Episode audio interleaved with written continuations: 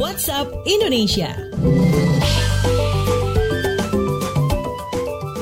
Waktunya kita keliling Indonesia di WhatsApp Indonesia. Kita mulai dari Surabaya, Jawa Timur. Gugus tugas minta warga Jatim penyintas COVID-19 donorkan plasma darah. Selengkapnya dilaporkan kontributor KBR Budi Prasetyo. Selamat pagi. Selamat pagi, gugus tugas percepatan penanganan COVID-19 saat kunjungan ke Surabaya meminta agar warga Jawa Timur yang sudah sembuh bersedia mendonorkan plasma darahnya untuk terapi plasma konvalesen. Menurut Ketua Gugus Tugas Percepatan Penanganan COVID-19, Doni Monardo, terapi tersebut terbukti efektif untuk mengobati pasien COVID-19 bergejala berat. Doni Monardo menambahkan, terapi itu berhasil mempercepat penyembuhan pasien COVID-19 yang hingga kini belum ditemukan obat antivirusnya.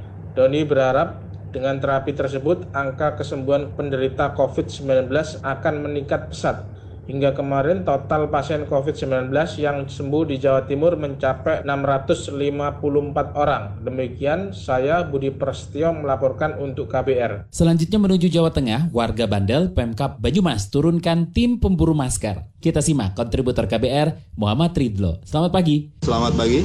Pemerintah Kabupaten Banyumas Jawa Tengah menurunkan tim pemburu masker agar warga taat menggunakan masker di tengah pandemi. Bupati Banyumas Ahmad Hussein mengatakan langkah itu dilakukan lantaran masih ada warga warga yang enggan mengenakan masker saat bepergian. Bahkan ketika razia tak sedikit warga yang melarikan diri. Ahmad Hussein menambahkan jika tertangkap tak mengenakan masker maka warga akan dikenai sanksi berupa penahanan kartu penduduk sementara, push up hingga hukuman denda. Demikian saya Muhammad Ridho melaporkan untuk KBR. Terakhir kita menuju Kalimantan Timur, ratusan warga Balikpapan kembalikan bantuan tunai dari Kemensos. Selengkapnya kita simak kontributor KBR Teddy Rubengan. Selamat pagi. Selamat pagi. Ratusan warga di Balikpapan, Kalimantan Timur mengembalikan bantuan sosial tunai atau BST dari Kementerian Sosial. Wali Kota Balikpapan Rizal Effendi menjelaskan warga menolak BST sebesar 600 ribu itu karena merasa mampu. Rizal Effendi menambahkan mereka yang menolak BST namanya masuk dalam data terpadu kesejahteraan sosial atau DTKS sebagai keluarga tak mampu. Dia mengklaim DTKS itu diperbarui setiap bulan pendataan keluarga tidak mampu dilakukan melibatkan Kemensos dengan pemerintah setempat. Berdasarkan DTKS, ada lebih dari 10.000 keluarga tidak mampu yang layak menerima BST di Balikpapan. Demikian saya Teddy Rumangan melaporkan untuk KBR.